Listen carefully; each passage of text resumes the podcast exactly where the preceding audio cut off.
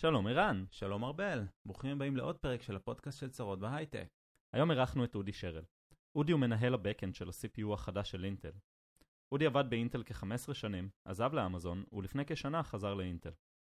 בעל תואר ראשון בהנדסת חשמל מהטכניון ו-MBA ב big data ו-AI מהבינתחומי, אודי מתמחה בניהול קבוצות חומרה ובעל מומחיות בפיתוח מעגלי high speed. דיברנו על עולם החומרה, מה לומדים, איזה מקצועות יש לעולם הזה להציע ומה עושים בתכלס.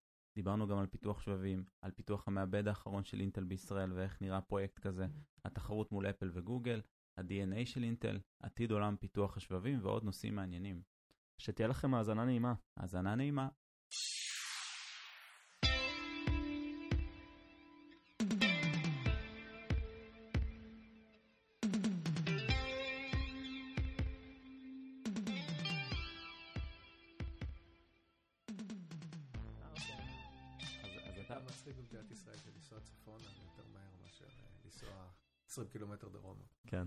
לפעמים להגיע לפה לוקח יותר זמן. אה, לפה זה היה, כן. כן. אז אתה בעצם מנהל הבקאנד של ה-CPU העתידי של אינטל. אה, מה זה אומר? מה זה אומר? בוא נפרק את זה רגע. מה זה אומר בכלל לא ידענו של CPU? כן.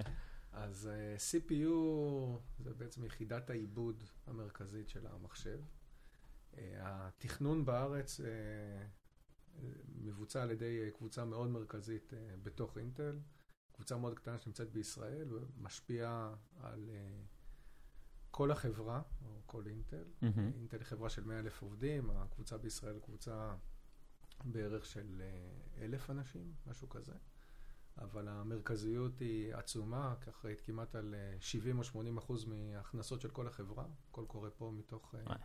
חיפה, פתח תקווה. אה, ושנים למעשה הקבוצה כאן תכננה את ה-CPU, אה, אני חושב אה, עוד אה, תחילת שנות האלפיים. אה, ואינטל אה, עשה, עשתה, עושה שינויים מאוד גדולים אה, בהתאם לתחרות, אנחנו בטח נדבר על זה. אה, והחליטה בערך לפני שנתיים שעושים שינוי כיוון, ועושים אה, דברים מחדש ודברים מגניבים. אז אז מה זה אומר? איך איך חברה בסדר גודל של אינטל אומרת עושים שינוי כיוון ומתחילים להזיז את הספינה הענקית הזאת, נכון? משחתת, כן. כן. אז אינטל עשתה המון שינויים לאורך השנים, מי שעוקב, אה, וכל הזמן היא מנסה להמציא את עצמה מחדש. אבל קודם כל, אה, כל שינוי מתחיל בחיים, אתה יודע, זה לא משנה אם זה חברה או אנשים, מתחיל בהחלטה. צריך להחליט שמשנים. אה, החלטה כזאת בדרך כלל מגיעה top down, הגיעה החלטה ממש מהמנכ"ל, יורדת למטה, איך, מהמם. איך באמת אנחנו רוצים לראות את החברה הזאת צומחת ומתפתחת ב-15 שנים הקרובות. אה, ומפה זה משריש לכל תחומי הדיזיין ובעצם גם ה-Headcount Profile, זאת אומרת, אה, פרופיל האנשים שאנחנו רוצים להעסיק. אה, אז זה מארכיטקטורה, אוקיי, ושינויים אה, מאוד דרמטיים באיך אנחנו רוצים לעשות את הדברים, דרך לסגנון הפיתוח, וכלה גם בפרופיל האנשים. הרכבנו למעשה קבוצה חדשה לגמרי. אני חזרתי לאינטל בדיוק כדי להקים את הקבוצה הזאת. אה, ניגע בזה עוד שנייה. כן, אה, וצירפנו אנשים אה, מאוד מעניינים, חדשים, מתוך אינטל, מחוץ לאינטל, עשינו מיקס חדש שנתן אה, זווית הסתכלות אחרת על הדברים, ומפה רצים קדימה. אז, אז בעצם איך, איך נראה כזה תהליך של, יש פרויקט חדש, בסדר? ויש מוצר חדש ו... או מעבד חדש, נכון? מתי מתחילים לעבוד על זה, איך זה נראה, אה, כמה זמן, כמה, כמה אנשים, אנשים, כן. כן, כאילו, אז היופי בחומרה, אה, זה תמיד מרגש אותי לדבר על זה, אבל אה, בערך מהרגע שאתה מצייר דברים על הלוח בפעם הראשונה ובכלל הוגה פרויקט, עד הרגע שאתה מוכר אותו, זה יכול להיות תהליך של בין שלוש לארבע שנים, תלוי בסוג מהמם. הפרויקט. אה, אם חושבים על זה, אה, בסוף בסיליקון יש אה, מיליארדים של טרנזיסטורים, או רכיבים, בוא נגיד מאות מיליונים של רכיבים, שכולם צריכים לדבר אחד עם השני, אה, להיות מיוצרים במאות מיליונים של יחידות, אה, ולעבוד תמיד. כן. והקטע הזה שמוצר מגיע למעבדה, מדליקים אותו והוא עובד, עושה בוט לדוגמה, מלא פתאום Windows, זה, עוד פעם, אני לא ילדתי בעצמי, אבל זה באמת תחושה שילד מגיע לעולם, ובטח אחרי בערך משהו כמו שנה וחצי, שנתיים של פרס-סיליקון, זאת אומרת, התכנון לפני שבכלל שולחים כן. את המוצר ל, ייצור, אה, זה התרגשות עצומה. עכשיו, אני חושב שברמה אישית אותי זה תמיד מרגש. עשיתי כבר כמה וכמה פרויקטים שהגיעו לייצור ובסוף נמכרים בכל העולם. הרגע הזה, השנייה הזאת שבו אומרים לך זה עובד, זה חי, זה תחושה מדהימה. אז בדרך כלל זה פרויקט כזה הוא שלוש שנים, משהו כזה בין שלוש mm-hmm. לארבע שנים, מחולק בערך שנה וחצי, שנתיים של לפני, שנה בערך של אחרי, או בדיקות אז... בתוך המעבדה. עד שבסוף זה מגיע ללקוחות. אז בחור. מה השלבים למי שבעצם בכלל לא מבין בחומרה וב, ובשבבים? מה, כאילו, מציירים איזשהו מעבד על הלוח, או, או חושבים על משהו חדש? איך זה נראה? אז קודם כל יש vision ארכיטקטוני. אוקיי. Okay. זאת אומרת, יש קבוצת ארכיטקטורה, אה, מורכבת גם אה, מאנשים אה, בדיסציפלינות שונות, שקודם כל מחליטים מה הפיצ'רים המרכזיים שצריכים להיות למוצר. פיצ'רים זה יכולים להיות פיצ'רים של performance, של ביצועים, פיצ'רים של עמידה בהספק, battery life, דברים mm-hmm. כאלה. כאלה בסקיוריטי. גודל נגיד? של... זה עוד לא גודל, זה okay. קודם אוקיי. כל בכלל מה הספק של המוצר, לאן אנחנו מכוונים. היופי, אני חושב, באינטל שהיא ספקית השבבים מספר אחת כמעט, כן? אז היא נותנת שבבים, והצ'יפ שאנחנו נותנים בקונפיגורציות מסוימות שלו בעצם מגיע מלפטופים הכי קטנים, כמו שיש לך פה mm-hmm. על השולחן, עד ה data centers מאוד גדולים. זאת אומרת, אנחנו צריכים לתכנן מוצר mm-hmm. שב scale מסוים ובצורות מסוימות, הוא מתאים מפה ועד לשם, וכמו שאתה מבין, זה ביצועים שונים לגמרי, זה usage שונה מאוד של דברים, אבל... ואנחנו צריכים לחשוב על זה מראש, מה אנחנו מכוונים לכל סגמנט, מבחינת בכלל איזה פיצ'רים יהיו.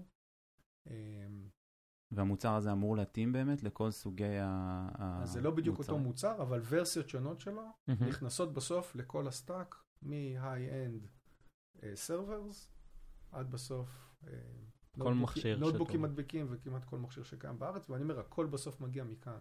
מגיע מחיפה, פתח תקווה, uh, וזה ה impact. כן? זאת אומרת, מסתכלים פה על מאות מיליונים של יחידות שאנחנו בסוף משווקים לעולם, ונכנסים כמעט פעם אמרו לכל מחשב, אז היום זה כמעט לכל מחשב, אבל באמת לכמות אדירה של דברים, וזו השפעה בסוף של כל מהנדס שיוצא פה מחיפה. זה, זה, זה מטורף, כן. כאילו שבסוף הפיתוח הוא, הוא בארץ, וזה תמיד מצחיק אותי לחשוב על זה, כאילו מצחיק, כן? שכל בן אדם בעולם שמשתמש במחשב, אה, פיתחו כמה חבר'ה בחיפה ובפתח תקווה את השבב הזה. גם פיזית זה, זה נבנה פה בעצם במפעל בדרום. ו... אז, אז מבחינת capacity של ייצור זה לא הכל קורה פה mm-hmm. בדרום, חלק קורה בדרום, אבל יש מפעלים של אינטל בכל העולם שבסוף מייצרים את מה שאנחנו עושים פה בחיפה פתח תקווה.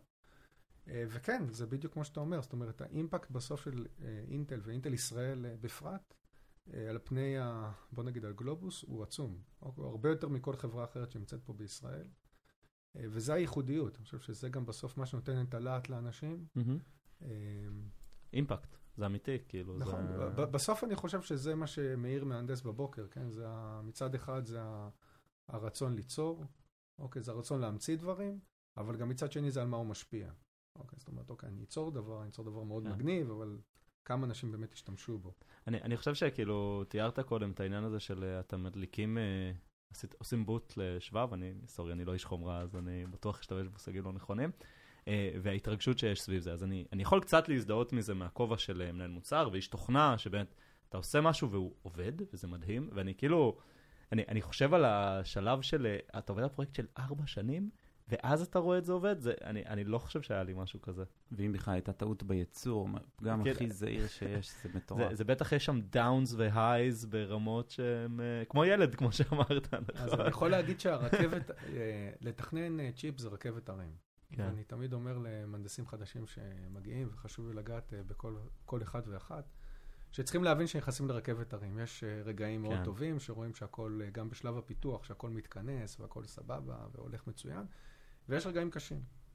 אה, וחשוב להבין אותם, כן? חשוב להבין מראש שתהליך פיתוח זה אה, בניגוד לעבודה רגילה או עבודת ייצור רגילה, שיש סרט נע, בפיתוח אתה לא יודע מה יהיה מחר. אתה לא יודע מה תהיה כן. התוצאה של הריצה שאתה מריץ מחר, אתה לא יודע, לא יודע מה יהיה התוצאה של הקוד שאתה מקודד, מה יהיו המשמעויות שלו. והרכבת הרים הזאת היא, היא... זה מה שלדעתי נותן את הכיף, אוקיי? Mm-hmm. שזה שאתה לא יודע בדיוק מה יהיה הפתרון, אתה לא יודע מה יהיה המוצר הסופי. אתה מקווה לדעת איך זה ייגמר, אתה לא תמיד יודע איך זה נגמר, אה, ובטח כשזה נגמר, אה, ולמזלי יצאו לי הרבה מאוד הצלחות, אה, זה כיף אדיר. זה, זה נשמע לי ממש... זה. אז אולי נדבר קצת על, על עולם החומרה, כי אנחנו, רובנו מכירים יותר את הצד של, של התוכנה ומקצועות שיש שם. איזה מקצועות יש בצוות שלך? מה, מה לומדים? אז, אז דיברנו קודם כל על קבוצת הארכיטקטורה, שמגדירה בכלל את המוצר, אוקיי. okay. מגדירה את הפיצ'רים המרכזיים, ומה שנקרא בשפה המקצועית, לזה מה שקוראים ספק. Okay? זה הספק של המוצר, בדבר הזה זה מה שהמוצר צריך לעמוד בו. מפה למעשה העבודה עוברת לקבוצת הדיזיין, אוקיי? שהם למעשה כותבים את הקוד. זאת אומרת, כותבים את הקוד, בדרך כלל בשפה של System Verilog או Verilog, תלוי בכמה זה אה, יכול להשתנות בין חברות שונות, קבוצות שונות. אה, ולמעשה הם מתרגמים את הספק הארכיטקטוני בסוף לקוד, לפקודות בסיסיות שעושות את הפיצ'רים שהארכיטקטים הגדירו. קוד ב- ב- בשפת מכונה? כאילו לא... קוד, לא קוד בשפה, כן, של System Verilog. Okay. אוקיי. Uh, זה קצת יותר גבוה, זה עוד לא אסמבלי, אבל okay. אוקיי. קצת יותר גבוה. Uh, ומפה למעשה הקבוצות מתפצלות, אוקיי? Okay? זאת אומרת, יש קבוצה אחת שהיא קבוצת הווריפיקציה, ולידציה, שוב, חברות שונות קוראות לקבוצות האלה של פרס-סיליקון uh, בשמות שונים, אבל למעשה הקבוצה אחת אחראית לוודא, אוקיי? שיש תאימות בין הספק הארכיטקטוני לבין מה שאנשי הקוד mm-hmm. עודדו, רואים שזה תואם בצורה שווה, וככה בעצם נמנעים באגים. והקבוצה השנייה זה בעצם קבוצת ה-Backend, אוקיי? Mm. שהיא בעצם אחראית לממש את מה שהדיזיין כתב. אוקיי, עכשיו איך היא מממשת? אז למעשה יש כלי סינתזה, mm-hmm. אוטומטיים, לרוב, שמסנתזים, אוקיי, את הקוד, והופכים את הקוד מקוד לטרנזיסטורים. לא כזה... רגע, רגע, בוא, בוא כן. נתעכב על הנקודה הזאת. שנייה, אני, אני רק אגיד, כאילו, אני עשיתי תואר מדעי המחשב, מבחינתי היה לנו איזה קורס קטן במבנה מחשבים, וזה הכל מאוד פשוט, נכון? מדברים על מעבד קלאסי כזה, ואז פתאום סינתזה, מה, מה זה אומר? מה בעצם... אז זה בדיוק היופי של הדברים, זאת אומרת, שנים אה, אינטל אה, נתפסה כחברה שמציירת את הכל ביד, ועושים את הכל, מה שנקרא, ב... old school. אה, כן, old school, פטיש מסמר, כאלה. אמ, פטיש ממש קטן. אז מה שנקרא, עשינו קפיצה של, אה, אני יודע, שנות אור קדימה. אה, זה חלק מהטרנספורמציה הענקית שהחברה כרגע עושה, ולמעשה, אמ, לא רק שאנחנו רוצים על הטכנולוגיות הכי חדשות ועושים את המוצרים הכי מגניבים, אלא גם שיטות הפיתוח הכי חדשות. וסינתזה בעצם מה שזה אומר, זה אומר שיש כלים אוטומטיים של אה, חברות אה, חיצוניות שאינטל עובדת איתן, שיודעות לתרגם משוואה הכי פשוטה, כי בסוף הכל יורד למשוואה הכי פשוטה, למעגל חשמלי. אני בטוח שזה לא כל כך פשוט. זה לא פשוט, זה שנים, שנים של כן. פיתוח ועבודה, אבל העולם היום נמצא במקומות האלה, שבוודאי יודעים לעשות את זה, ויודעים לעשות את זה בצורה יעילה. בעצם לוקחים משוואה כלשהי ויודעים לתרגם אותה למבנה הנדסי פיזי, כאילו, זה נכון, ה... של טרנזיסטורים, של כן. חוטים שמחברים ביניהם וכולי, עד כדי ממש לבנות צ'יפ שלם ב scale או גדלים שונים. זה, זה מה שמעניין אותי מאוד האמת, שאתם מתכננים צ'יפ, הרי חלק מהבאז לפחות סביב זה, זה שמפתחים בגדלים נורא קטנים וזה. אתם בונים צ'יפ גדול קודם, ואז מקטינים אותו, או שאתם מראש מתכננים לגודל מסוים? ואולי זאת שאלה טובה. חסרת הבנה לא, לא, לגמרי. מצו... לא, קודם כל זו שאלה מצוינת, כי... כי כמו שאמרתי, יש, כשאתה מתכנן צ'יפ, בטח כשאתה מתכנן אותו באינטל ליוזרים שונים לגמרי, ולחברות שונות לגמרי, ול use caseים שונים לגמרי, אז באמת צריך לחשוב על ה scale. כן. וזאת שאלה שאני יכול להגיד לך, הרבה פעמים מתלבטים. זאת אומרת, האם אני לוקח משהו גדול ומנוון אותו, mm-hmm. או דווקא אני לוקח משהו קטן, מאפטם אותו, ועליו מלביש דברים. Mm-hmm. יש פרויקטים שעושים אותם בצורה כזאת, יש פרויקטים שעושים אותם בצורה כזאת, אבל באמת ה scale, זאת אומרת, לא לעשות דברים שונים, כן? זאת אומרת, יש לנו הרבה מאוד לקוחות, אז לא לעשות לכל לקוח קסטומיזציה שונה, ואז מה שנקרא לא בטוח mm-hmm. מה יהיה הדיפרנס ביניהם, אלא דווקא לעשות משהו חכם, אוקיי? לעשות משהו שכן יתאים לכל אחד, אבל גם בצורת הפיתוח, לעשות אותו בצורה מאוד מיוחדת. אני חושב שזאת החוכמה שאנחנו עושים ב...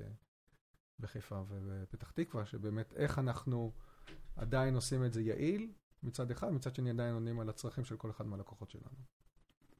Okay. אה, אוקיי. ישראל היא מדינה ש... שיש בה הרבה חברות לפיתוח שבבים, מה... מה... למה? ויותר ויותר, כן? כאילו, אינטל פותחת עכשיו אה, מרכז אה, מטורף בחיפה של 6,000 עובדים, אני חושב שזה המספר, שזה. כאילו מספר שקשה לתפוס אפילו. גוגל ומייקרוסופט כן. התחילו לפתח פה שבבים. מה, למה? מה יש בישראל? אה, אז מה יש בישראל? אז אני אפרק את השאלה לשניים. אוקיי. קודם כל נדבר על אה, מה קרה כאן, איך קרה שהעולם השתגע, ואחרי זה נדבר על ישראל. אמ, אז קודם כל יש, אנחנו חיים כרגע, אם אה, שמתם לב או לא שמתם לב, במהפכת דאטה מטורפת כרגע שקורית אה, בעולם.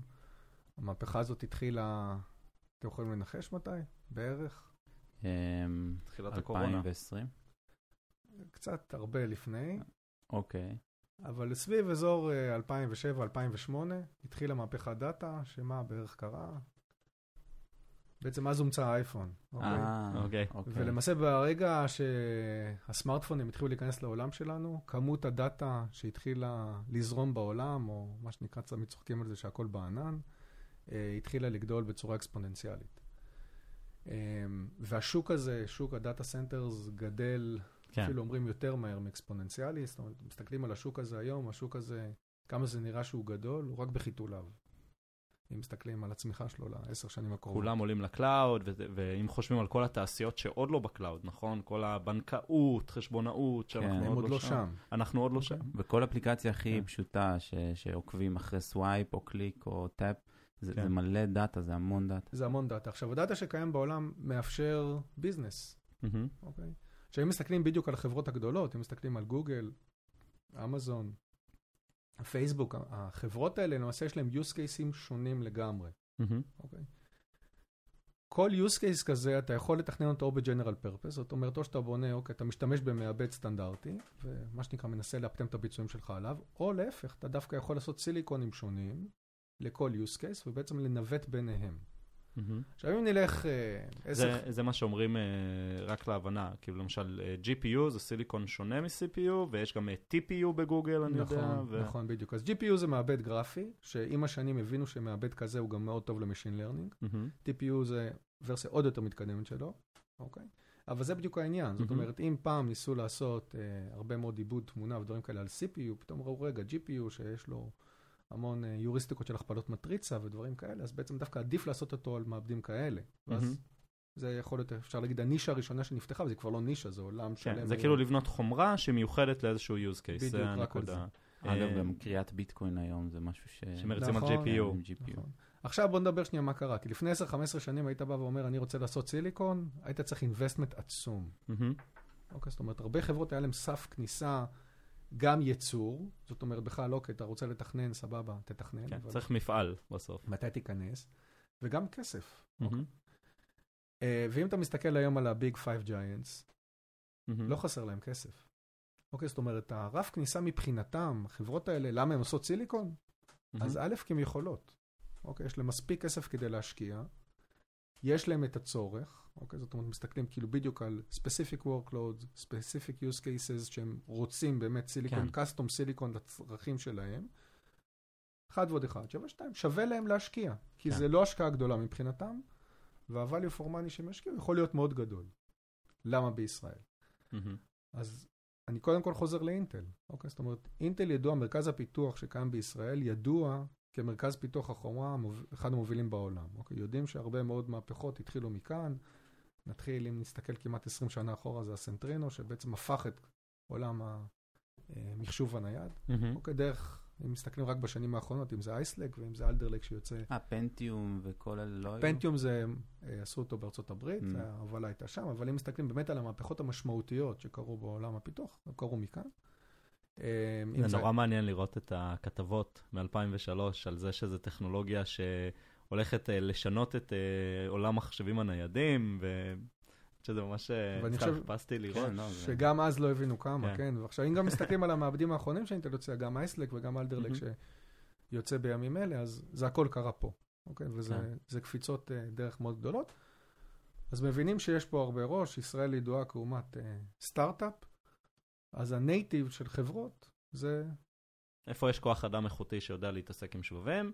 אני חושב בישראל? שיותר מאיכותי, שיודע להתחיל דברים מאפס, שיודע להמציא Mm. דברים מאפס, שיודע להתחיל דברים אה, באמת פורצי דרך, כן. זה מפה.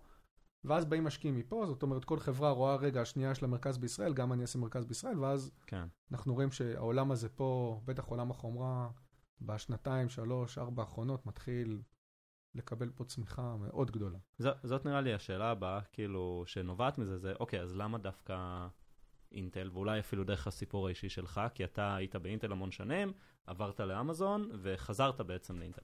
כן. אז למה, למה בעצם? אז, אז אני אשים את החברה בצד, אה, ברשותך, כי אני חושב שלי בסוף אה, כמהנדס, אה, מה שחשוב זה מה אני עושה. אוקיי? מה אני עושה, בשביל מה אני קם בבוקר. Mm-hmm. ואני באמת מסתכל על המרכזיות של הקבוצה שנמצאת כאן בישראל, על ההשפעה העולמית שלה. אוקיי? גם על ההשפעה שלה בתוך החברה. Mm-hmm. זאת אומרת, אינטל, בניגוד לחברות אחרות שקיימות בארץ, היא חברת סיליקון. אינטל היא גם קודם כל המעסיק הכי גדול בישראל, זה גם כן, חשוב להגיד. אינטל היא המעסיק קטע- הכי גדול בישראל, כן. אבל אם חוזרים אליי ספציפית, Mm-hmm. בניגוד לחברות אחרות שנמצאות בארץ, אינטל היא חברת סיליקון. היא לא חברת search, היא לא חברת services, היא חברה שהיא. חיה, קמה, נושמת, סיליקון מהבוקר עד הערב, ואני. בסוף, בסוף בתור מהנדס חומרה, רוצה להיות בחברה שבה אני משפיע בצורה הכי גדולה ממש על האסטרטגיה של החברה. אה, אז גם אני בתור מהנדס, גם בתור מנהל, אה, זה מה שהיה חשוב לי, אוקיי? מצד אחד. מצד שני, גם לעשות דברים שהם לא מה שעשיתי אתמול או מה שעשיתי שלשום. זאת אומרת, לעשות דברים חדשים כל פעם, מתחדשים, פורצי דרך, ובאמת מהמם. שייתנו לי את הצ'רטר הכי רחב שיכול כדי להשפיע אה, גם על הדומיין שלי, גם על התחום שבו אני עוסק, וגם באמת קדימה על ה roadmap של כל החברה, ואינטל נותנת באמת ל site הישראלי ולמספר חבר'ה באמת מצומצם, בסוף אנחנו מדברים על כמה מאות של אנשים אה, שנמצאים פה בחיפה ובפתח תקווה. היא נותנת צ'רטר מאוד גדול, חבר'ה, תגידו לנו לאן אתם רוצים לקחת, ויש פה צ'ארט השפעה עצום. כאילו ה impact שיש לבן אדם בארץ על החברה הענקית הוא גדול מאוד. יחס, זה- כן, יחסית יחסית לאותו בן אדם אחרות. בחברות אחרות. אוקיי. אני אומר, זה גם בין הידע שיש לו, באמת, איך העבודה שהוא עושה היום, או הצ'יפ שהוא עובד, או החלק שהוא עובד, באמת, איך הוא מתחבר ב ecosystem הכללי, זה מהמם. אחד. ושתיים, זה באמת הצ'רטר שנותנים לך באמת להשפיע. עם כל המרכזים אבל שפותחים, ובטח המרכז החדש בחיפה, אין איזשהו מחסור בהיצע של אנשים? כאילו, כמה אנשים לומדים אה, חומרה? איך אפשר בכלל... מה, לגייס? מה בכלל לומדים? גם? כן, אז בואו כן. בוא קצת נעשה...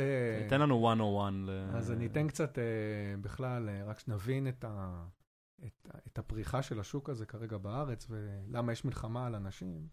אז אני לא בטוח שאני עד כדי כך בקיא בנתונים, אבל תבינו רק בסקייל, בישראל מוסמכים, כן, זאת אומרת, מהמם. אם אנחנו מסתכלים על אה, לימודים לחומרה, או... אז זה בדרך כלל לימודי הנדסת חשמל או מדעי המחשב.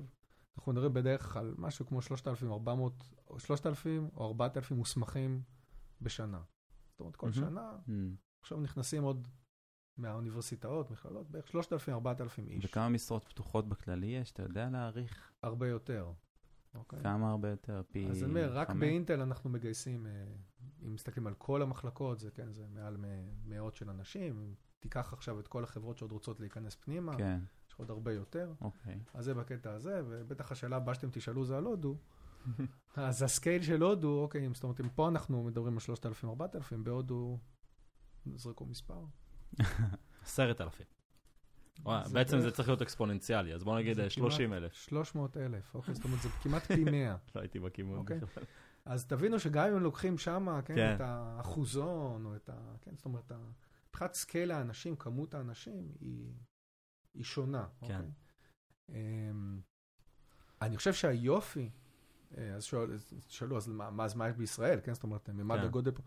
אני חושב שהחשיבה היצירתית אה, שיש למהנדסים, אני אגיד קודם כל באינטל, כן, אבל באמת החשיבה, החשיבה והתעוזה, אוקיי? אה, היא מה שמאפיין בסוף את המהנדס הישראלי, בניגוד למהנדסים אחרים בעולם, וזה אני חושב מה שגם חברות, אה, בטח אמריקאיות, רואות בישראל. זאת אומרת, מהמם. הם רוצים את החוצפה, הם רוצים את שבירת הגבולות, את שבירת המוסכמות, אה, וזה לדעתי למה הם הולכים אז- מאוד חזק על על ה site אולי הישראלי. נחזור רגע באמת ל... ל... איך הופכים לעובד אינטל, או מתכנת אה, צ'יפים, אני לא יודע איך לקרוא לזה, למתכנן צ'יפים, אני בטוח משתמש במונחים לא טובים. בעצם זה הנדסת חשמל אמרנו, אה, מדעי המחשב, אה, הנדסת, כאילו הנדסת מחשבים אני מניח, שזה גם באותו... פיזיקה. יכול להיות גם פיזיקה, כן. ובעצם, כאילו, יש משרות לבוגרי תואר? כאילו, סיימתי עכשיו ללמוד? אז באינטל היופי זה שגם כל הדיסציפלינות נמצאות במקום אחד. זאת. אומרת, אנחנו נמצאים ב site הישראלי מרמת ארכיטקטורה, design, וריפיקציה, backend, post silicon, הכל נמצא פה. אה, ובגלל זה אתה יכול להתחיל בכל תחום מהמם. שרק חפצה נפשך. אה, והמבנה הארגוני של אינטל, אה, ברמה הכי בסיסית, הוא שתמיד אנשים חונכים אנשים אחרים בכל רמה. מהמם. אוקיי, זאת אומרת, גם אני כמנהל, חונכים אותי ודואגים לצמיחה שלי. גם מהנדס תמיד בכיר מהמם. חונך מהנדס יותר צעיר ממנו, ותמיד דואגים לגדילה ולהתפתחות שלך, בין אם זה בתחום שאתה בוחר כרגע לעסוק, זאת אומרת, יבוא בן אדם לקבוצה שלי, יעשה backend, מצוין, הכל טוב. ירצה מחר לבוא להגיד לי, תקשיב, משעמם אותי, לא מדבר אליי, אני. רוצה לחדש, רוצה לעשות משהו אחר, רוצה ללכת למשהו אחר, הכל פתוח. אה, וזה היופי בקבוצה שלנו. מהמם. שבאמת אפשר לקחת אנשים מאוד צעירים, בוגרי תואר, הם יכולים גם לבוא בתור סטודנטים, אה, ולצמוח ביחד איתנו. אני אישית נכנסתי לאינטל בתור סטודנט בסמסטר כן. שני, שלישי, לא לא, זוכר. זה, מטורף לא בעיניי, זוכר כבר כן? מתי זה היה. אנשים שנכנסים כסטודנטים, ואז היית שם 15 שנים, ואז כן. חזרת. כן. ואני. חושב שזה היופי, זאת אומרת שאתה יכול אה, לחבר את התיאוריה, אה, כי. הכל בסוף יושב על התיאוריה שאתה לומד בלימודים, לפרקטיקה היומיומית, כי הפרקטיקה היומיומית, בטח מהמם. אתה הולך כמו אינטרנט, הטכנולוגיות הכי מתחדשות והכי חדישות ש, שקיימות היום, היא שונה מהתיאוריה. אה, היה לנו מפגש לפני כמה שנים באמת עם הסגל הבכיר בטכניון, מהמם. שבאמת הם הבינו כמה כבר הטכנולוגיה מגיעה ל... ל... באמת שברה הרבה מאוד מוסכמות אה, תיאורטיות ש... שלומדות, ובעצם עשינו איתם איזשהו חידוש, ו brainstorming היה כנס אה, מאוד יפה. אז... אה, אולי תספר לנו תודה. קצת על המעבד החדש. על אלדר לייק. כן, אבל תס- כן, תסביר לנו, אבל... ל- אה, להדיוטות, כן. אז uh, יש כמה דברים די מרכזיים במעבד החדש. Uh, קודם כל, זו פעם ראשונה שאינטל uh, uh, משלבת ביחד uh, גם uh, Performance CPU, שזה המעבד שאנחנו עושים uh, בחיפה, uh, וגם uh, Efficiency CPU, uh, Atom CPU, למעשה, מהמם. ומשלבים את שניהם באותו מוצר. Um, והפיצ'ר הייחודי שאינטל עשתה, קוראים לו thread detector, שלמעשה מזהה um, כל um, פקודה או כל צורך כרגע שאתה כרגע עושה, אם אתה כרגע גולש um, ומסתכל באינטרנט מצד אחד, או מצד שני אם אתה מריץ כרגע משהו שצריך ביצועים, הוא יודע כל פקודה כזאת לנווט אותה לאיזה סוג מעבד שווה שיריץ אותו, כדי שייתן לך את המקסימום ביצועים. זה, זה בעצם, אם אני מנסה לפשט את זה, זה לקחת סוגים שונים של מעבדים, לשים אותם יחד במקום אחד, ובעצם לבחור את האופטימלי לכל דבר. אני ת, תמיד אוהב אה, להעביר את זה לעולם כן. המכוניות. אוקיי. אז תחשוב שיש לך, אה, נגיד קטנוע, ומצד שני יש לך פורשה או למבורגיני או כל אוטו אחר שחפץ, ואתה צריך כאילו איכשהו להגיע מתוך תל אביב אה, לאילת.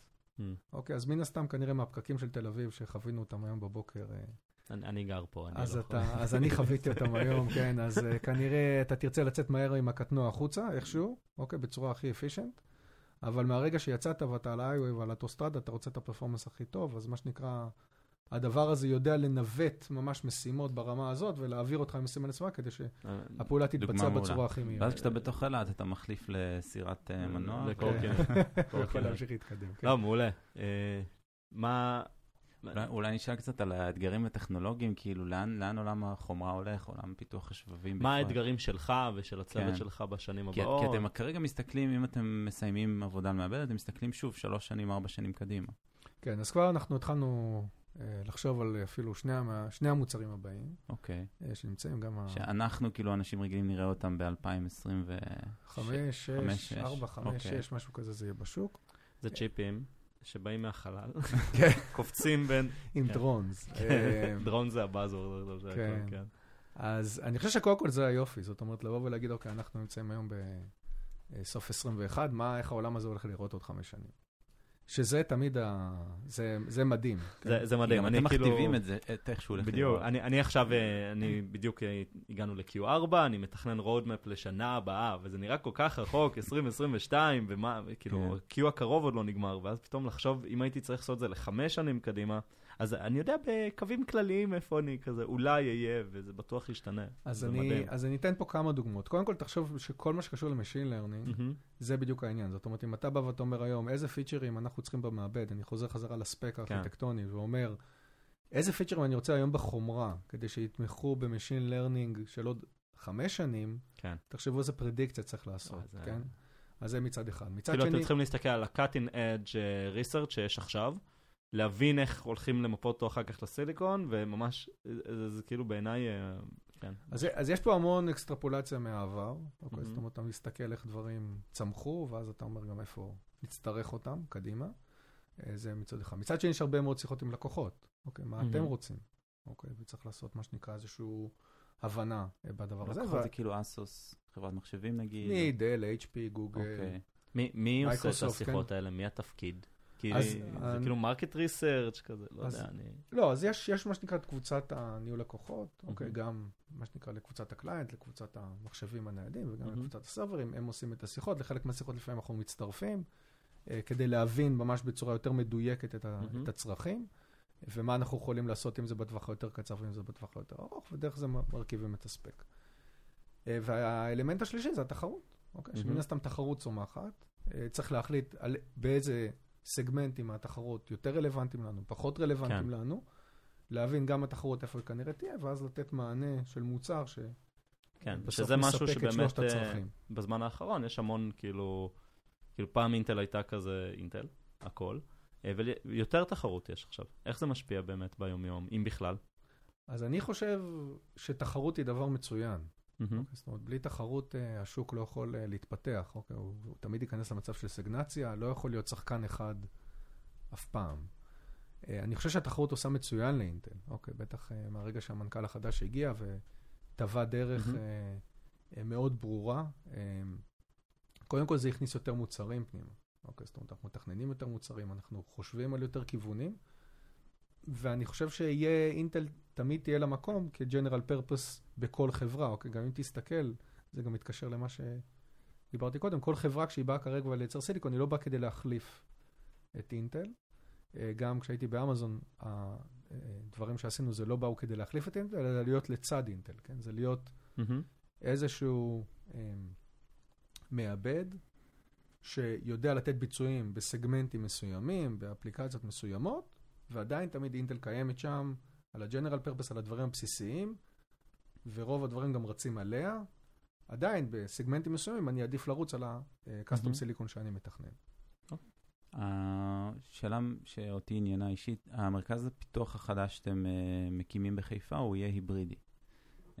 איך, איך עובדים במודל אה, היברידי כשמתכננים חומרה? כאילו, מה זה אומר?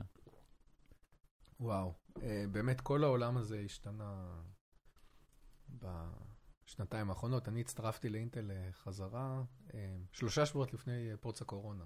אוקיי. הגעתי בסוף פברואר. אז זה היה לך מעניין ישר כשחזרת. כן, זה היה בדיוק, ובעצם הייתי, באתי להקים קבוצה, הייתי אני ועוד שניים, וזהו, ותתחיל לגייס, ובום, פורצת הקורונה, ותתחיל לגייס וכולם מהבית, כן? ובניתי קבוצה, אני חושב שפעם ראשונה שנפגשנו זה היה בערך אחרי שבעה, שמונה חודשים. זאת אומרת, וואו. ראינו אה. אנשים ב-Teams, כאילו, בזום, ואז ככה. פתאום אתה רואה מה הגובה האמיתי שלהם. בדיוק, נכון? זאת אומרת, פעם ראשונה מצחיק. הגיעו אנשים, אחד יותר גבוה, אחד יותר נמוך, אחד כזה. יש לך אופי גבוה. כן, תמיד היה לך vision מסוים על אנשים, איך הם נראים, ופתאום אתה רואה אותם כן, ב-real היה לי את זה כן. בדיוק, כשהגעתי ל... גם אני הצטרפתי במהלך הקורונה, ואז פתאום פגשתי את הצוות שלי רק איזה חודשיים אחרי שהתחלנו לעבוד. רגע, אבל בחברות פיתוח תוכנה, אני פשוט לוקח את המחשב בתיק הביתה, מה מה אני לוקח הביתה? אז, ב- אז אני חושב שהקורונה, גם זה שזה התחיל אה, בסגרים אה, כל כך אה, מוחלטים, היא לימדה אותנו לעבוד מהמם. אחרת, אוקיי? אחד הדברים שניסינו גם להחדיר ל- לארגון זה היעילות, אוקיי? פחות ישיבות, יותר עבודה מול המסך. גם עושים ישיבות, ישיבות מאוד מצומצמות, אוקיי? שלא צריך ממש עכשיו פורומים ודברים. עבודה יעילה, פרקטית מאוד. וזה שהיו סגרים, זה לקח אותנו לקצה, כי פתאום, רגע, אי אפשר להגיע לסייט, כן, תעבדו רק כן. מהבית, אוקיי? ואז דווקא אחרי שאנחנו מגיעים מהסייט, אז דווקא פתאום אנשים אומרים, רגע, כאילו, כמה רעש, תן לי לשבת בבית, כאילו, על המחשב שלי, על הדברים שלי, כן. כאילו, כמה... אז ב mode ההיברידי אנחנו באמת מנסים לשלב בין, אם מגיעים ל site, אז בואו נעשה שנייה ב site מה שיותר יעיל לעשות ב site, אוקיי? אמ, ונשאיר לבית, מה שנקרא, את, ה, את העבודה הזאת, אבל... ואנחנו רואים שזה עובד, זה אפילו עובד אפילו טוב, אוקיי? זאת אומרת. כי יש דברים שאתה בא ואתה אומר, אוקיי, עם זה אני אחכה לימים שאני ב site, נעשה את זה ב site, יהיה יותר יעיל, ועכשיו, מה שנקרא, בימים שאנחנו בבית, אה, נתמקד בדברים האלה. מצד אחד, מצד שני זה נותן המון פלקסיביליות לאנשים. מהמם. אוקיי, זאת אומרת, בן אדם יכול לבחור כרגע באיזה ימים הוא מגיע, באיזה ימים הוא לא מגיע. אה, יש, אני חושב שהעולם הזה באמת אפשר לנו לעבוד מכל מקום, בכל זמן, איך שאנחנו רוצים, כמה שאנחנו רוצים. יש לזה צדדים טובים, כן? יש לזה גם צדדים פחות טובים, ואני חושב שמה ש... כן. מה שיפה ב- בקבוצה שלנו אה, בישראל, שאנחנו יודעים לעשות את ההתאמות ongoing, אה, באמת לומדים כל הזמן ושואלים את הפידבק של העובדים כל הזמן, מה צריך לשפר, מה צריך לעשות אחרת. לומדים, משתפרים ו- וזזים עם זה קדימה, ובסוף, אני חושב שכמעט את כל המוצר הזה שאנחנו עושים, עשינו אותו בתקופת הקורונה. כן. אה, אז לחשוב שגם עם זה התמודדנו, זה ממש בכלל... אה, אה, achievement unlocked כזה. כן. טוב, אז היו המון שאלות מהקהל, שאנשים מאוד התעניינו בדברים, אז אנחנו פשוט נעבור עליהם, חלק נגענו קצת, אבל אולי שווה לחדד. אז רון דהן שאל, האם לג'וניור שמתחיל בחומרה, האם אחרי כמה שנים בתפקיד הוא ימצא קושי לעבור לתפקידים בתחומים אחרים, כמו תוכנה או רשתות? אז אני לא יודע אם גם... כאילו, לא יודע אם אתה הבן אדם לענות, כי אתה באמת בחומרה, אז דיבר, אבל אולי... דיברתי על זה קודם, כן. אני חושב באינטל זה מה שמייחד, שיש כן. אה, את כל הדיסציפלינות אה, בכל הדברים, ובהחלט מהמם. כן, אנחנו גם מעודדים דברים כאלה, זאת אומרת, אנחנו לא רוצים סטגנציה של אנשים הרבה זמן בתפקידים, כמובן אם בן אדם רוצה להישאר בתפקיד וטוב לו והכל טוב, מצוין, אין שמחים מאיתנו, כן, אבל אנחנו כן מעודדים, זה חלק מהשינויים שאנחנו עושים, חשיבה אחרת יצירתית, זאת אומרת, איך אנחנו עושים את הקרוסים האלה, איך מפתחים אנשים בדומיינים רוחביים יותר, כי אני גם חושב שמהנדס טוב יותר הוא מהנדס שלם, מהמם. מהנדס שמכיר את הקצוות שלו, מכיר את הממשקים שלו, אז בהחלט אה, לרון, שאמרת ששאל, אז יש לו מקום חד משמעי אצלנו, יש זה- הרבה מאוד אה, תחו- מהמם. דומיינים, ואם הוא רוצה לעבור, בוודאי שאפשר. אמ, ליאור קרוסרו שואל, אה, שאלה יחסית ארוכה, אבל אה, אני, אני אקריא אותה. בניגוד למקצועות התכנות בהם אפשר לצבור ניסיון על ידי פרויקטים של קוד פתוח, קורסים מגוונים וכולי, לג'וניורים יש הרבה פחות משאבים וכלי עבודה כדי לתרגל איתם עבודה בתחום הצ'יפים. כי רישיון עולה הרבה כסף ו- וכולי, מה שמצמצם את האפשרות של אותם ג'וניורים להשתלב ולהכשיר את עצמם, כי אין להם יכולת לצבור ניסיון. אז איך זה כן אפשרי מחוץ למסגרת האקדמיה, כדי שהם יוכלו לשפר את הסיכויים שלהם להתקבל אה, למשרות כאלה? אז קודם כל צריך להתחיל. אוקיי, זאת אומרת, צריך לבוא ולהחליט, אוקיי, אני מתחיל, אני הולך על זה, אני נכנס לתחום של החומרה, אוקיי. ובהחלט בתחום של חומרה צריך ניסיון. אוקיי, הטכנולוגיה מתחששת, זאת אומרת, אנחנו מסתכלים על טכנולוגיות אה, של לפני עשר שנים, אה, ואיפה שאנחנו נמצאים היום, זה לא אותו עולם. אה, גם כשאני מראיין, ואני מראיין לפעמים אנשים שעובדים בחברות אחרות על טכנולוגיות יותר ישנות, אתה רואה שהם עדיין לא שם מבחינת הידע, מבחינת הפערים, מבחינת האתגרים שיש. אז קודם כל צריך להיכנס לחברות שעובדות באמת על הטכנולוגיות הכי חדשות שקיימות, אוקיי? כדי להכיר מהמם. באמת את המגבלות, כדי להכיר את ה... אה, מה קיים, אוקיי? ואיך התיאוריה שלמדת כרגע בכלל רלוונטית לפרקטיקה. כמובן שאפשר לעשות דברים בבית, אוקיי, אבל כמו שאמרת, זה יעלה כסף, אם אתה רוצה ללכת לעולמות של FPGA ודברים כאלה, ש... באמת, אבל זה, זה לא באמת עבודת ה-Backend כמו שאנחנו עושים. ויש מספר חברות מאוד מעטות שנותנות הזדמנות והזדמנות שווה. זאת אומרת שמהנדס עושה באמת, או סטודנט עושה באמת את אותה עבודה כמו מהנדס, אולי רק הבדל בסקופ של משימה בעצם שמתאימה לכמות הזמן שהוא, שהוא יכול להשקיע, אבל באמת הוא יכול, כמו שאני הגעתי בתור סטודנט והמשכתי להיות uh, מהנדס פול טיים ומנהל והכל, אבל באמת הצלחתי לגדול בתוך החברה, אז יש מספר מאוד חברות שגם יכולות ללמד אותך את התחום, לחנוך אותך בזמן הלימודים סלש עבודה, ובאמת לגדל אותך ולתת לך גם אופק. קדימה. אה, אינטל בגדול, החברה, הקבוצה שאנחנו אה, עושים, נמצאים פה בחיפה ובפתח תקווה בהחלט נותנת את ההזדמנות הזאת. אה, ובאמת צריך להתחיל, אוקיי? צריך להתחיל, צריך ללכת, להתראיין, ולהחליט שהולכים על זה. וגם אם לא, זאת אומרת, גם אם בסוף אתה אתה אומר, אוקיי, קשה לי מדי, לא טוב לי, זה לא התחום שחשבתי וזה. העולם הזה, כמו שאמרנו, מארכיטקטורה דרך פוסט סיליקון, יש לו כל כך הרבה דומיינים, שאתה תמיד תוכל לדייק את עצמך ongoing ולהבין, אוקיי, את זה אהבתי, אבל אני רוצה גם. לנסות את זה. אז, אז האמת שזה מתקשר לחלק השני של השאלה, שהוא של אה, ליאור. האם לג'וניור שהתחיל בתחום אחר, למשל שנה-שנתיים שעושה בורד דיזיין או סיגנל אינטגריטי, יש יותר סיכוי להתקבל למשרד פיתוח ראשונה בתחום השבבים, לעומת אה, ג'וניור שסיים תואר? אני חושב שחד משמעית כן. אוקיי. אמ, אנשים שמגיעים גם עם ניסיון שהוא הוא, הוא חופף ליד, עדיין יש להם ידע, הם עדיין מבינים מושגי יסוד, הם עדיין גם מבינים את ההשפעות של דברים מסוימים. עדיין הם צריכים ללמוד כלים חדשים ודברים חדשים ולהיכנס לעולם הזה, אבל בטח בן אדם שיש לו איזשהו ידע, אה, אפילו אם זה, בגלל זה אני אומר, זה עולם עצום. כן. אה, גם אני לא יכול להגיד שאני מכיר לפרטי פרטים את כל אחד מכל הדומיינים, אבל אני בהחלט, מה שנקרא, נושק ומכיר את המושגים ומכיר את הדברים, ואני טוב מאוד בדומיין שאני נמצא בו. אז בוודאי אנשים שרוצים להעביר תחום או לעבור תחום, מהמם. או ללמוד דברים חדשים, תמיד הדלת פתוחה. טוב, אה, זאת שאלה שאני לא יודע אם אני אפילו אקריא אותה נכון, אקריא אותה נכון, אני אצטרך את העזרה שלך. יניב שואל, האם המעבד העתידי... יאן איב, לא יניב. יניב או יניב? יאן איב, לפחות ככה. אה, כי זה נשמע כמו יניב. נכון. אה, האם המעבד העתידי של אינטל זה עוד מעטפת ל-X86, או משהו יותר עכשווי, כמו X64, או משהו ממש עתידני, שידרוש מערכת הפעלה עתידנית? אז אלר לייק עדיין עובד על x86. אמ, x86 זה הפלטפורמה. הארכיטקטונית הבסיסית אה, שמלווה את כל... אה, זה מה שלמדתי במבנה מחשבים. כן, בשנים. האחרונות. אה, לגבי מוצרים עתידיים, אני לא יכול אה, להגיד. או-אה. כן. חכו, אה, פשוט stay עד tuned. 2025, זה כן. מאוד פשוט. אה, שי משאלי שואל, אני אשמח לדעת איך אינטל מתכננת להתמודד עם ההתקדמות שאפל עשתה עם אה, מעבדי 5 מילי ננומטר שלה, M1, M1 Max, M1 Pro, וסקרן מאוד מהכיוון של אינטל. אז בואו נפצל את התשובה לשניים. קודם כל, אה, אפל עשו מעבד אה, שתואם רק למערכות שלה. אוקיי. ודיברנו על זה קצת, כשאני עושה משהו שמותאם ל software שאני כותב, אני תמיד יכול לאפטם ביצועים בצורה יותר טובה.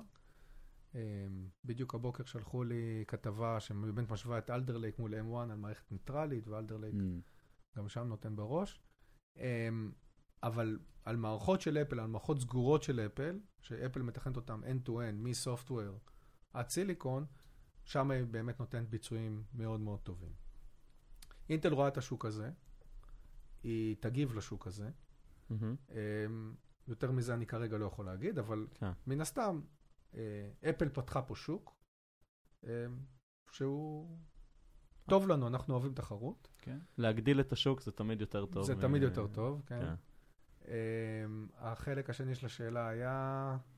מה הכיוון של אינטל מובינג פורוד, אבל גם זה אני מניח כן. שהיא אז הכיוון של אינטל מובינג פורוורד זה לנצח, אני חושב שמה שפט גלסינגר המנכ"ל אמר, הוא רוצה לנצח בכל תחום, בכל קטגוריה, ואנחנו באמת ברגעים אלה עובדים לממש את האסטרטגיה יהיה. מעניין, זה בטוח. אז, אז האמת שהשאלה הבאה היא מאוד דומה, אה, נתן מוג שאל על העולם הגיימינג, ועם אינטל אה, איך להתמודד עם התחרות, אני מניח שהתשובה תהיה מאוד מאוד אז אה, אני באמת אה, קרובה. מציע, נתן אמרת? אה, נתן, כן. נתן. אז שבאמת אנחנו ביום רביעי הקרוב אה, נשיק את Alder Lake, מהמם. כבר כתבות אה, דלפו. מבחינת אז הפרק... אפשר להשוות אה, את Alder Lake אה, אל מול AMD, ורואים כבר שם ביצועים ב gaming.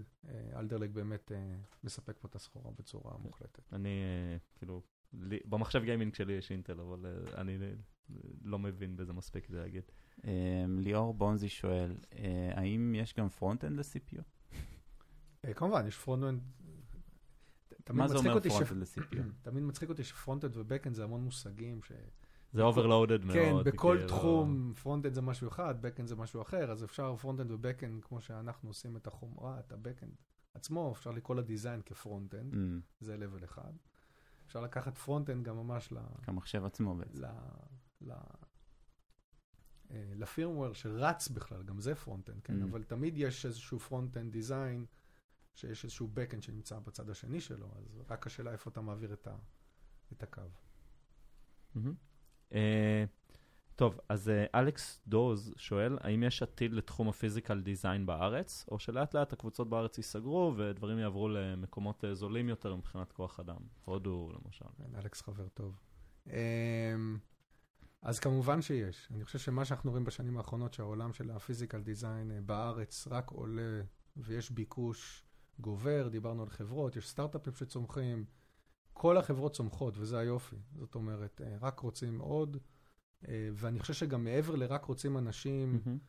בואו לעבוד, אני חושב שגם האתגר הטכנולוגי גדל, המוצרים משתנים, אז גם ברמת עניין, וכמובן גם ברמת הסקופ של אה, פיתוח הקבוצות, אז בהחלט יש, אני חושב שיש עתיד מאוד גדול לעולם החומרה בארץ. אה, שאלה אחרונה של שחר לנגבהיים. אה, שפות תכנות מודרניות נוטות להשתמש באבסטרקציות מאוד רחוקות מהדרך בה החומרה מבצעת פעולות. מה הדברים שלדעתך מתכנתים צריכים לדעת על מה שקורה באמת על הברזלים? Hmm. אז יש uh, הרבה performance monitors ש, שאפשר לקרוא החוצה, וממש לראות איך כרגע, mm. uh, הקוד שאתה כרגע כותב, uh, איך הוא בעצם מתנהג ואיך הוא מנצל את הריסורסים השונים במעבד. אני מאוד מציע לנצל אותם, כי רואים לפעמים שדרך uh, כתיבה שונה של, של software יכולה לתת ביצועים שונים מצד אחד, uh, וגם מצד שני, עוד פעם, אני לא יודע מה הרקע שלו, איפה הוא נמצא, אבל בטח uh, דרישות כאלה ובקשות כאלה, שזה בקשות שאנחנו מקבלים מלקוחות, גם משפרות את המעבד uh, קדימה בפרויקטים הבאים שאנחנו מתכננים. טוב, אז היה פרק ממש מעניין. אה, אני למדתי המון. אני למדתי... ובאמת, כל פעם שאנחנו מדברים על משהו קצת מחוץ לעולם הקטן של התוכנה והשיווק, אני תמיד מרגיש שהפרקים אה, זה משהו אחר. בטח שזה חברה כל כך משמעותית בישראל, כן? בואו בוא כן. נדבר על זה. כאילו, זה, ב, זה כמו צה"ל קצת מבחינת כמות האנשים. אה, יש משהו שרצית להגיד שלא דיברנו עליו, לספר? אה, אולי לאיזה משרות אתם מגייסים גם, אנשים שמקשיבים ורוצים להיכנס לתחום. כן, אז דיברנו המון על ההתפתחות של הקבוצה בחיפה, פתח תקווה, ועל המשמעות שלה אה, בתוך הארגון אה, של אינטל גלובלית, ובאמת על ההשפעה העולמית שלה. אנחנו מגייסים לכל המשרות כמעט, כאילו מקבוצת הארכיטקטורה, דרך דיזיין, וריפיקציה, פוסט סיליקון, כמובן Backend, גם בחיפה, גם בפתח תקווה. אה, גם בירושלים. גם סטודנטים ג'וניורים. גם סטודנטים ג'וניורים, גם אקספרטיז. אינטל היה איזושהי אה, חשיבה די מקובעת, כן, שהיא ארגון שיש אה, לו תנאים מסוימים, אז אנחנו תחרותיים אה, אפילו יותר, כן, המון אה, בכל החברות, אה, ושווה, מה שנקרא, אם זה לפנות... אה, אישית לאנשים שאתם מכירים, אפשר לפנות אליי, אם זה ממש... אנחנו גם נשאיר לינק. לעשות, כן, mm-hmm. להשאיר דרך האתר, אבל אנחנו מגייסים uh, את כל הרמות, אטרקטיבי מאוד, ואני אומר, מעבר למה שנקרא ל... למריט שמקבלים או לכסף, אני חושב שבאמת מה שמייחד את הקבוצה שלנו זה האתגר הטכנולוגי, ה roadmap קדימה, כמה שמונח לנו על הכתפיים מבחינת בכלל ה challenge אה, הטכנולוגי שצריך, ובגלל זה אנחנו צריכים באמת את האנשים הכי טובים, אה, וגם מי שרוצה ללמוד ולגדול, כן. אני חושב שהמקום שלהם אה, איתנו. אני חושב ש... שהיה מאוד מעניין לשמוע על ה impact ועל ההזדמנויות שיש. תודה רבה, אודי. תודה רבה. בכיף, תודה לכם.